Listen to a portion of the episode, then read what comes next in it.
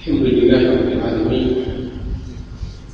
صلى الله وسلم على نبينا محمد وعلى آله وأصحابه أجمعين. أما فنستأنف إن شاء الله تعالى ما كنا انتهينا إليه في تفسير سورة البقرة.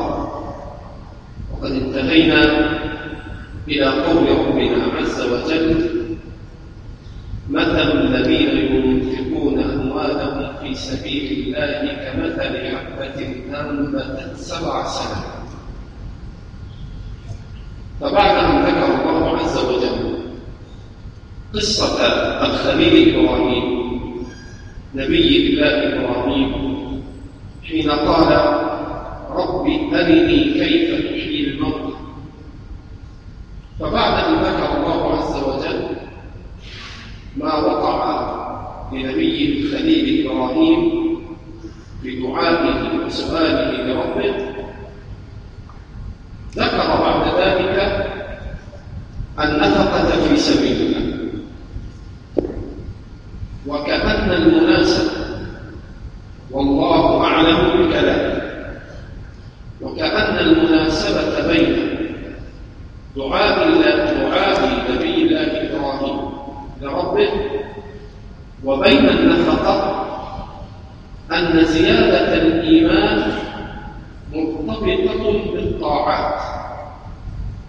ولذلك قال السلف كمجاهد وغيره في قول نبي الله إبراهيم ولكن ليطمئن قلبي قال مجاهد وغيره من أئمة السلف ليطمئن قلبي ليزداد إيمانا فزيادة الإيمان مقرونة بالعمل بعمل الصالحات ومن الأعمال الصالحات التي بها يزيد الإيمان النفقة في سبيله فكأن هذا والله أعلم بمراد كلامه هو من المناسبة في ذكر النفقة بعد قصة نبي الله إبراهيم يقول الله عز وجل مثل الذين ينفقون أموالهم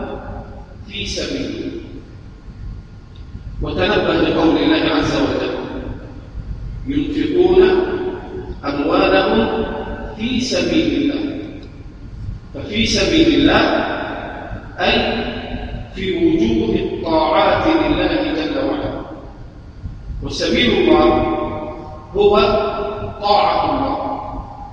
قال تعالى والذين جاهدوا فينا لنهدينهم سبلنا وإن الله لمع المحسنين.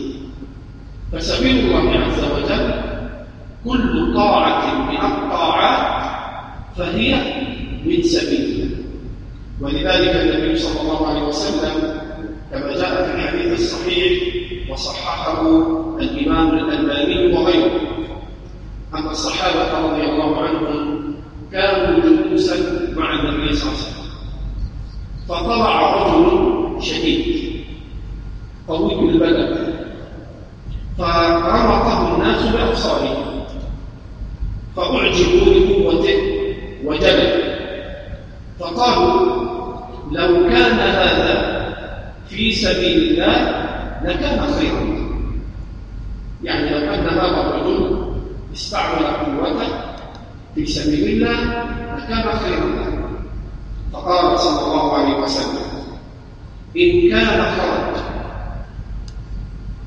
ينفق على أبوين كبيرين فهو في سبيل الله وإن كان خرج يعين نفسه فهو في سبيل الله.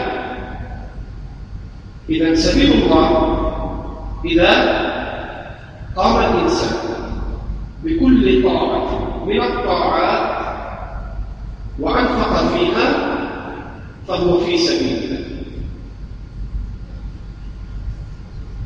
ولذلك أعظم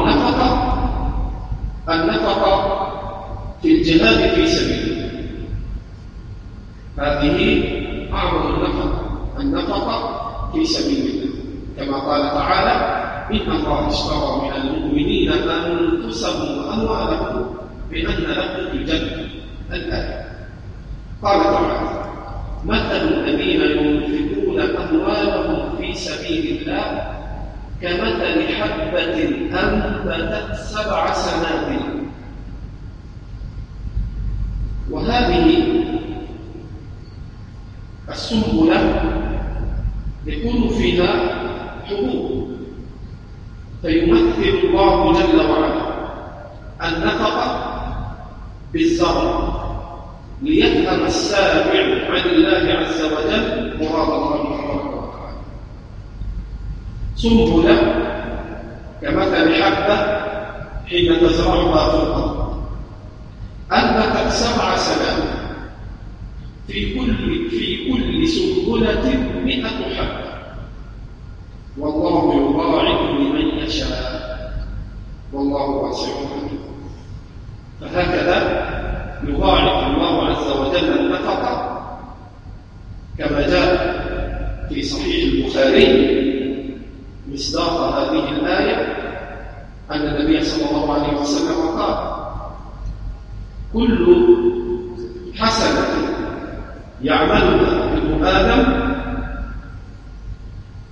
له فيها حسن إلى سبعمائة ضعف إلا الصبر إلى سبعمائة ضعف إلا الصبر قال الله عز وجل فإنه لي وأنا أجزي. به فمضاعفة الحسنات إلى ضعف إلى قوله تعالى والله يضاعف لمن يشاء وأما السيئة فلا تضاعف السيئة كما جاء في صحيح مسلم أن النبي صلى الله عليه وسلم قال أن الله تعالى يقول للملائكة إذا عمل سيئة فاكتبوها بمثله فالسيئات لا تضاعف لكن قال أهل العلم في تأويل قوله تعالى ومن يرد فيه بإلحاد بظلم نذقه في العذاب الأليم قال أهل العلم السيئة في الحرم عقوبتها أشد. السيئات لا تتضاعف لا في الحرم ولا في غير الحرم. ولكن ارتكاب السيئات في الحرم عقوبتها أشد من ارتكاب السيئة غير الحرم ولذلك قال تعالى ومن يرد فيه أي في الحرم بإلحاد بالظلم نذقه من عذاب الله وأما الحسنات فتضاعف إلى ما شاء. والله يضاعف لمن يشاء. وقوله تبارك وتعالى لمن يشاء فيه إثبات صفة المشيئة لله. الله تبارك وتعالى له أسماء وصفات. ومن أقسام التوحيد أن تثبت لله أسماءه وصفاته على الوجه الذي يليق به ليس كمثله شيء وهو السميع البصير قال أهل السنة ما شاء الله كان وما لم يشأ لم يكن. فمشيئة الله سبحانه وتعالى متعلقة بالإيجاد والعدم فقد تكون المشيئة بالإيجاد إنما أمره إذا أراد شيئا أن يقول له كن فيكون. فهنا تعلقت صفة المشيئة بإيجاد الشيء. وقد تتعلق المشيئة بفهم ما شاء الله كان وما لم يشأ لم يكن. فكل ما شاء الله لا بد أن يقع فإن المشيئة إذا وقعت فإن المشيئة مقتضية لوقوع الشيء الذي شاء الله وجوده والله يضاعف لمن يشاء. والله واسع عليم. وقوله واسع عليم. هذا هذا اسمان لله عز وجل. الواسع والعليم.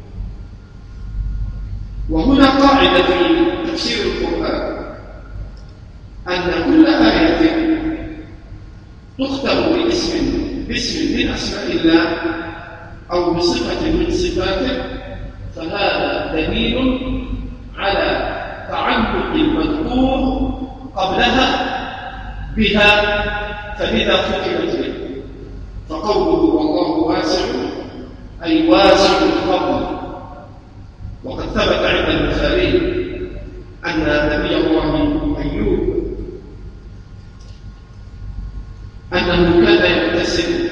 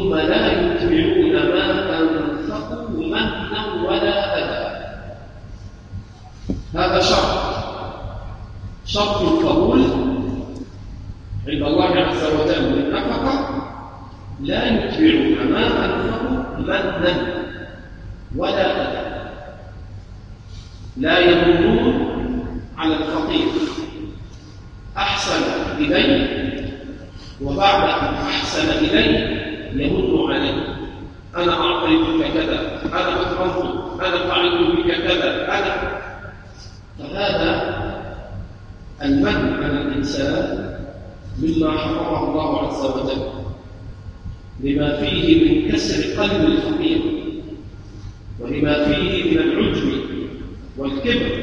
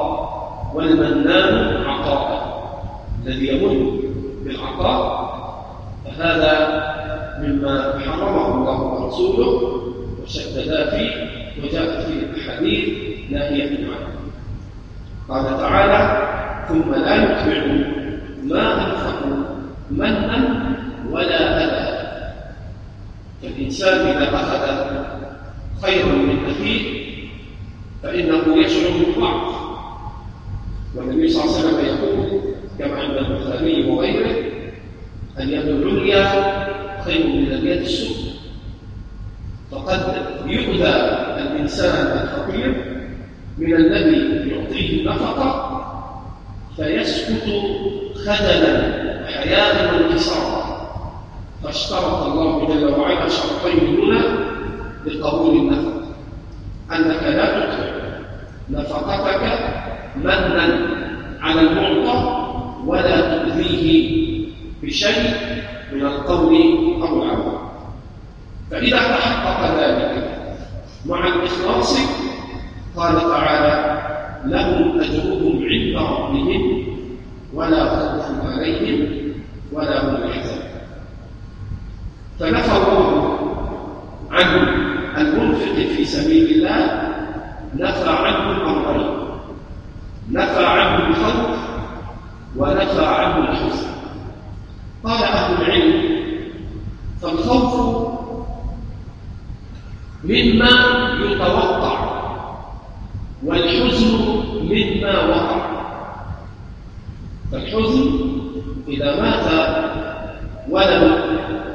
إذا مات والد فالإنسان يحزن. فالحزن مما وقع والخوف مما يتوقع. تخاف أن يحصل كذا أو أن يحصل كذا. فأمنهم الله من الأمرين جميعا. فأمنهم مما وقع بأن هذا الذي وقع لا يحزنهم فإن الله يعوضهم خيرا. وأمنهم الله من الخوف مما يتوقع.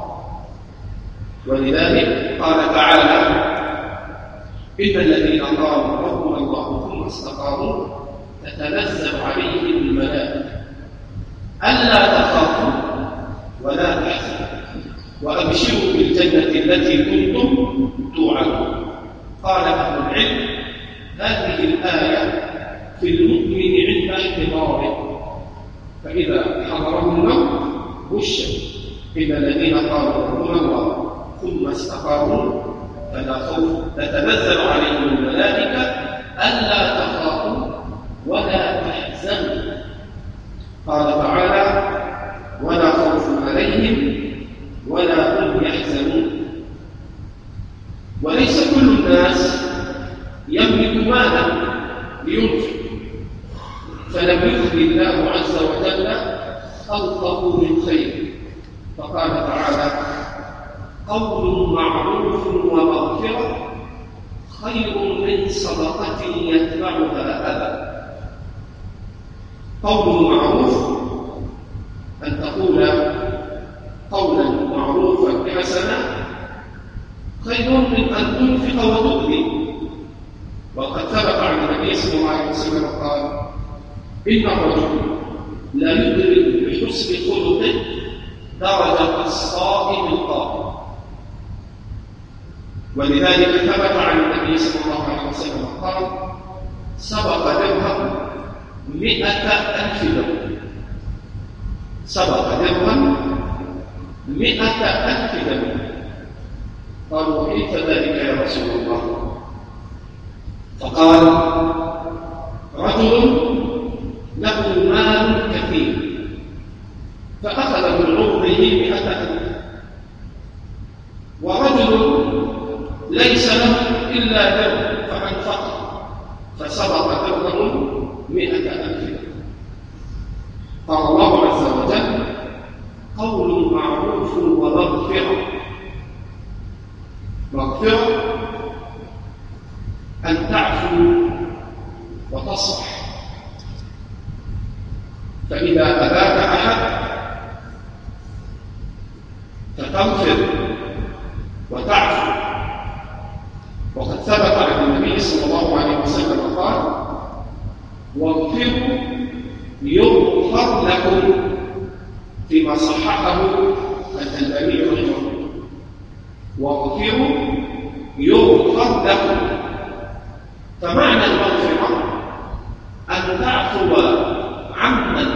أساء إليه قال تعالى قول معروف ومغفرة خير من صدقة يتبعها أذى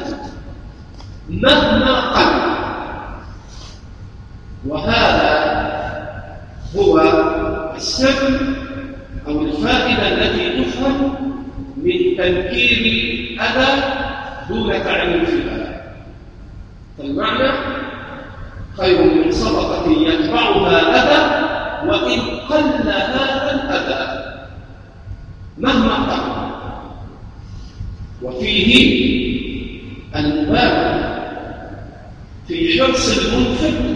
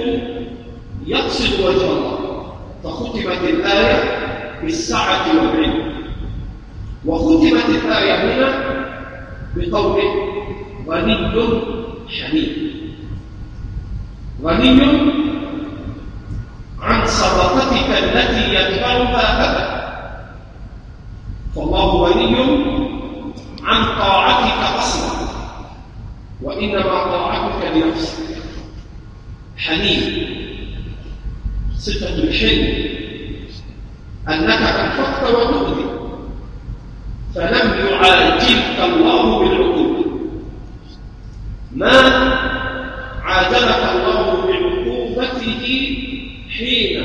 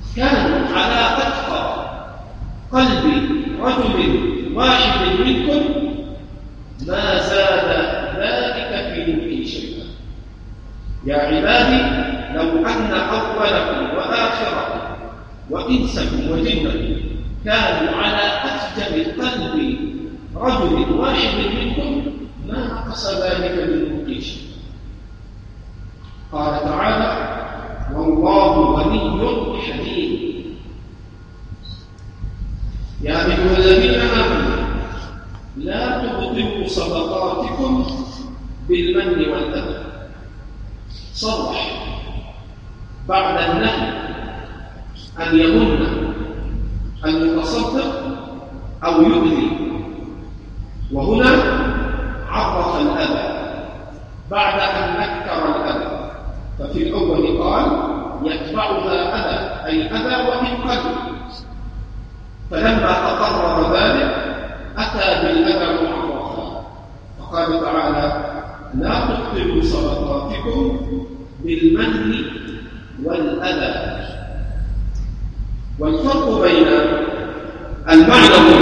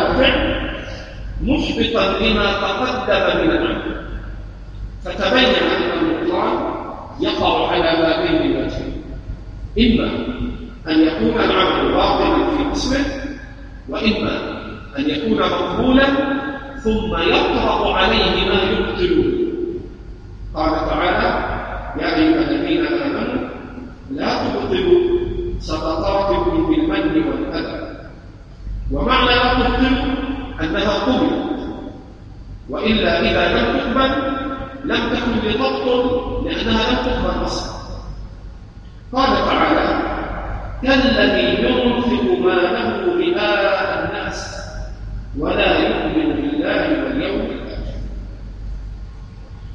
فهنا شبه الله جل وعلا بطلان الصدقة بالمن والأذى بالذي ينفق ماله رياء قال رئاء الناس ولا يؤمن بالله واليوم الآخر والجامع بين الصورتين والعله بينهما عدم القبول والبطل إلا أن الذي ينفق ماله رئاء الناس عدم القبول من الابتداء ثم استمر بالبطلان وأما من أنفق واذى بالمن أو بالأذى فإنه قبل في الابتداء ثم فعل مقتضى فصار مشابها للذي ينفق ماله رياء الناس ولا يؤمن بالله واليوم الآخر. وفي هذه الآية الذي ينفق ماله رياء الناس ولا يؤمن بالله واليوم الآخر قاعدة من قواعد أهل السنة في باب الاعتقاد أن قبول الأعمال متوقف عن متوقف على الإسلام. فلو أن الكافر وتصدق وفعل كل أبواب الخير فإن هذه الأعمال لا تنفعه يوم القيامة. وقد ثبت في صحيح مسلم أن النبي صلى الله عليه وسلم قال إن الكافر إذا عمل في الدنيا عملا أو عمل خيرا فإنه يعطى بكل حسنة عملها يعطى عليها حسنة في الدنيا حتى يوافي ربه يوم القيامة وليس له عند الله حساب يعني معنى هذا أن من عدل الله ومن فضل الله أن أعمال الكافر من بر بوالده أو من إحسان للفقير من عدل الله والإحسان أن الله يعوضه خيرا في الدنيا يرزقه ذرية يوسع عليه في المال يرزقه عافية في البدن مقابل حسناته التي عملها في الدنيا أما يوم القيامة فإنه لا يجتمع للكافر حسنة مع كفر. قال تعالى كالذي ينفق ماله رئاء الناس ولا يؤمن بالله واليوم الآخر. فمثل مثل عمل هذا المنفق الذي عمل خيرا بدون إسلام ولا إيمان كمثل صفوان عليه تراب كمثل صخرة منساة صخرة منساة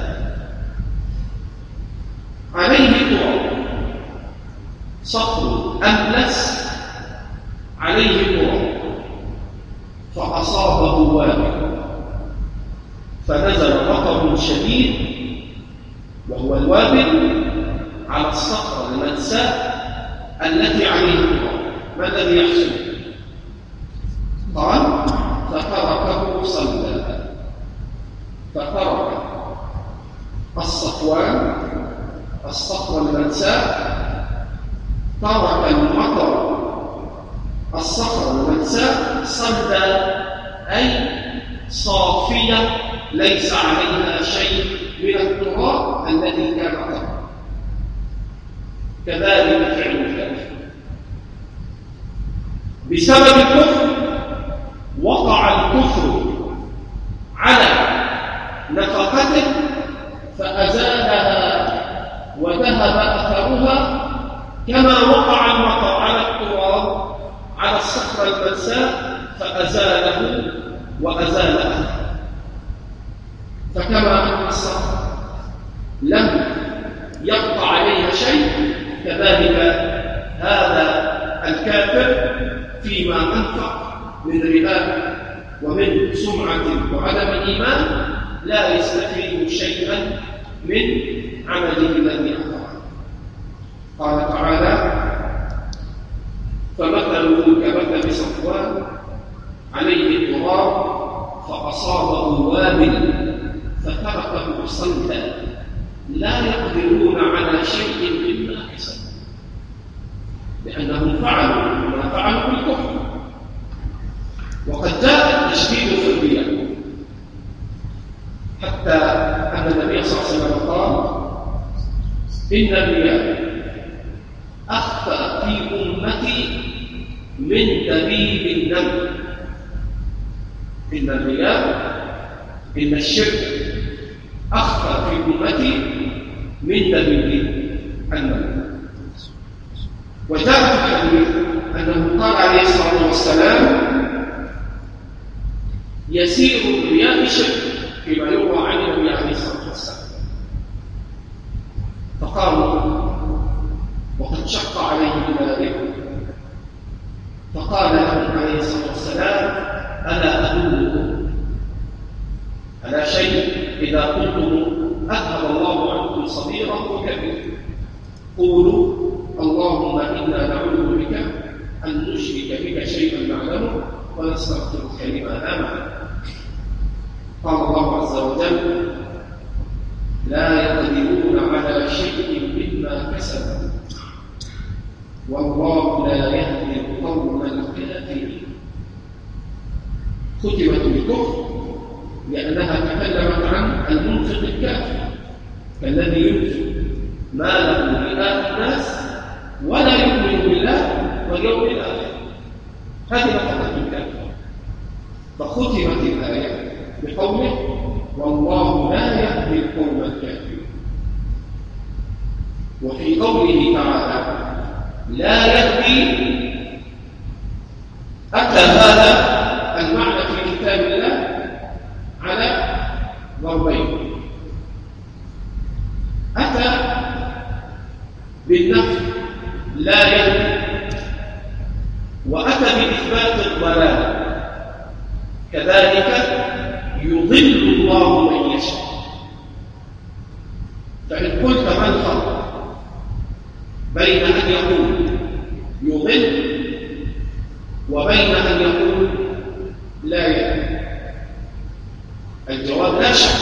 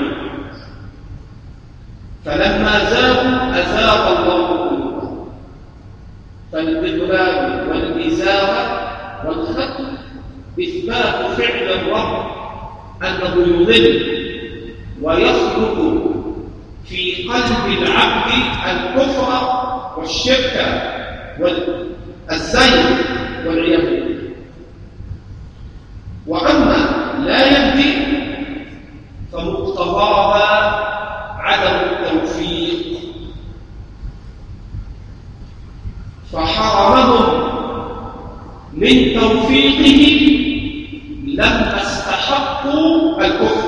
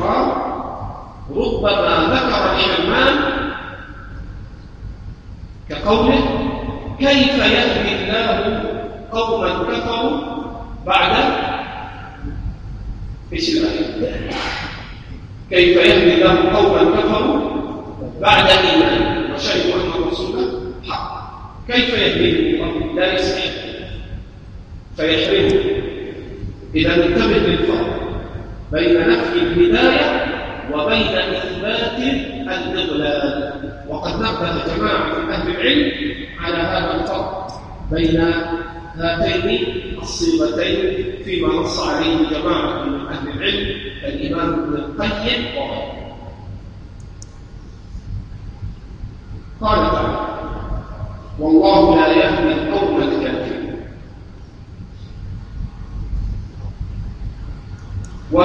الذين ينفقون أموالهم ابتغاء مرضات الله وتثبيتا من أنفسهم.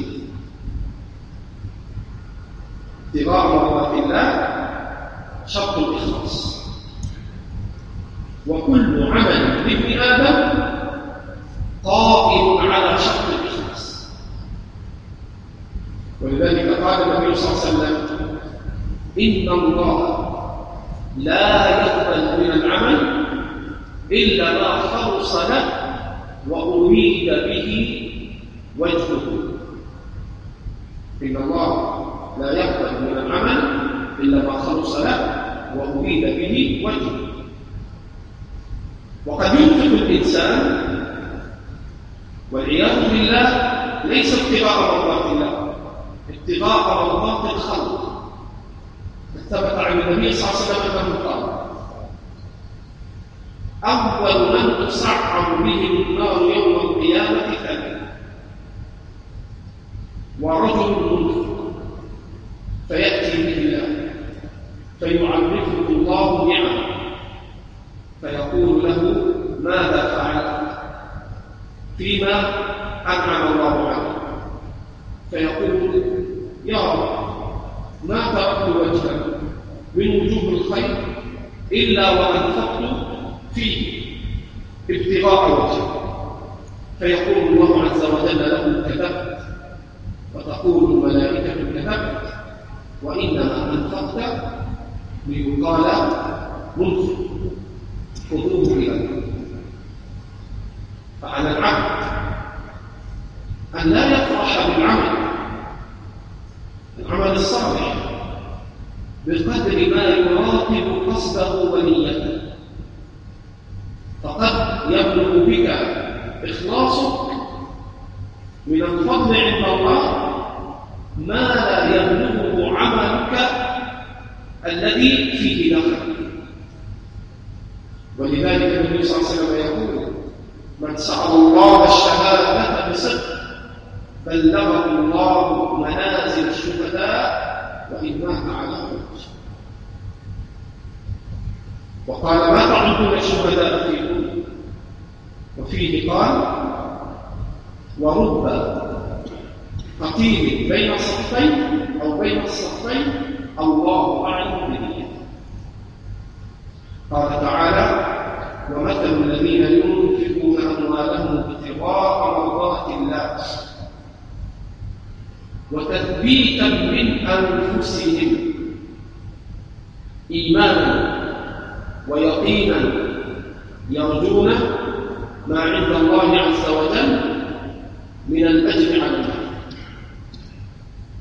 ولذلك كلما كانت النفقة خفية كلما عظم أجرها. ولذلك النبي صلى الله عليه وسلم يقول فيما صححه الإمام الألباني وغيره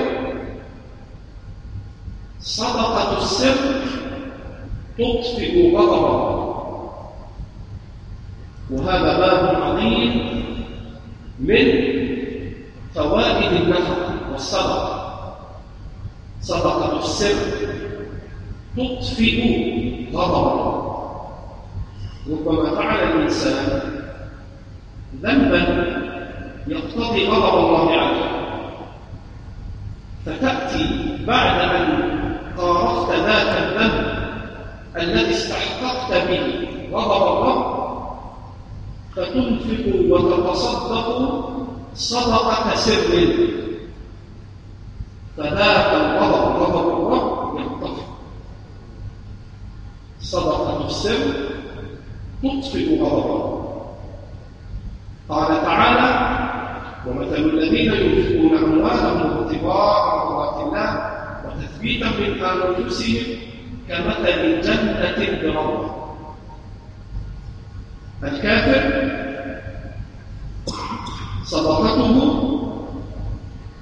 كمثل التراب الذي على الصخر الأملس فنزل وابل من المطر فأزاله والمؤمن نفقته كمثل بستان بروضة كمثل بستان في مكان مرتفع. أصابها وابل. حديقة بستان في مكان مرتفع ظاهر. ظاهر تقبل عليه الشمس ويصيبه المطر. فأصابها وابل. فآتت أكلها ضعفين أنبتت الأرض نباتا مستقبلة مستقبلة من الشمس. غطر عليه المطر الكثير فبورك فيها فآتت أكلها ثمارها ضعفين. فإن لم إن لم يصب هذا البستان ماء كثير فطل والله بما تعملون بصير. مكان مرتفع فالندى يصيب هذا البستان فيؤتي الثمار فهي في كل خير. إن جاء مطر أنبت فيها الثمر وإن جاء الطل وهو الندى أنبتت أيضا الثمر فلا تخلو من خير قل أو كثر. كذلك المؤمن. كلما زاد إخلاصك كزيادة المطر على هذه الجنة فيزيد مضاعفة الحسنات وربما قل الإخلاص ولكن أصله موجود فيقل تضعيف الأجر له كالطل حين يقل به ثمر هذه الجنة والله بما تعملون بصير. لما تقدم العلم فقال قبل ذلك سبحانه وتعالى والله واسع عليم. أتى بما هو أخص من العلم مستلزم للعلم. وهو البصر. والله بما تعملون بصير. مبصر لعمله. ولذلك أهل السنة متفقون على أن الله له بصر يليق به وقد ثبت في صحيح مسلم من حديث أبي موسى الأشعري. أن النبي صلى الله عليه وسلم قال قال أبو موسى قام فينا رسول الله صلى الله عليه وسلم بخمس كلمات. إن الله لا ينام ولا ينبغي له أن ينام يخفض القسط ويرفع. يرفع إليه عمل الليل قبل عمل النهار. وعمل النهار قبل عمل الليل حجاب النور وفي رواية في مسلم أو النار لو كشف لأحرقت سبحات وجهه ما انتهى إليه بصره بالخلق فبصر الله محيط بخلقه. لا يغيب عنه شيء بالخلق. ولذلك جاء في في الصحيحين. إن الدجال أعظم علم يمنى وإن ربكم ليس بأعور قال علماء السنة قديما وحديثا كالإمام ابن باز ابن عثيمين والألباني وغيره وقبلهم أئمة الحديث والأثر كابن خزيمة وابن تيمية وغيرهما الله له عينان تليقان به ليس كمثله شيء وهو السميع البصير نثبت لله صفاته واسماءه على الوجه الذي يليق به ليس كمثله شيء وهو السميع البصير قال تعالى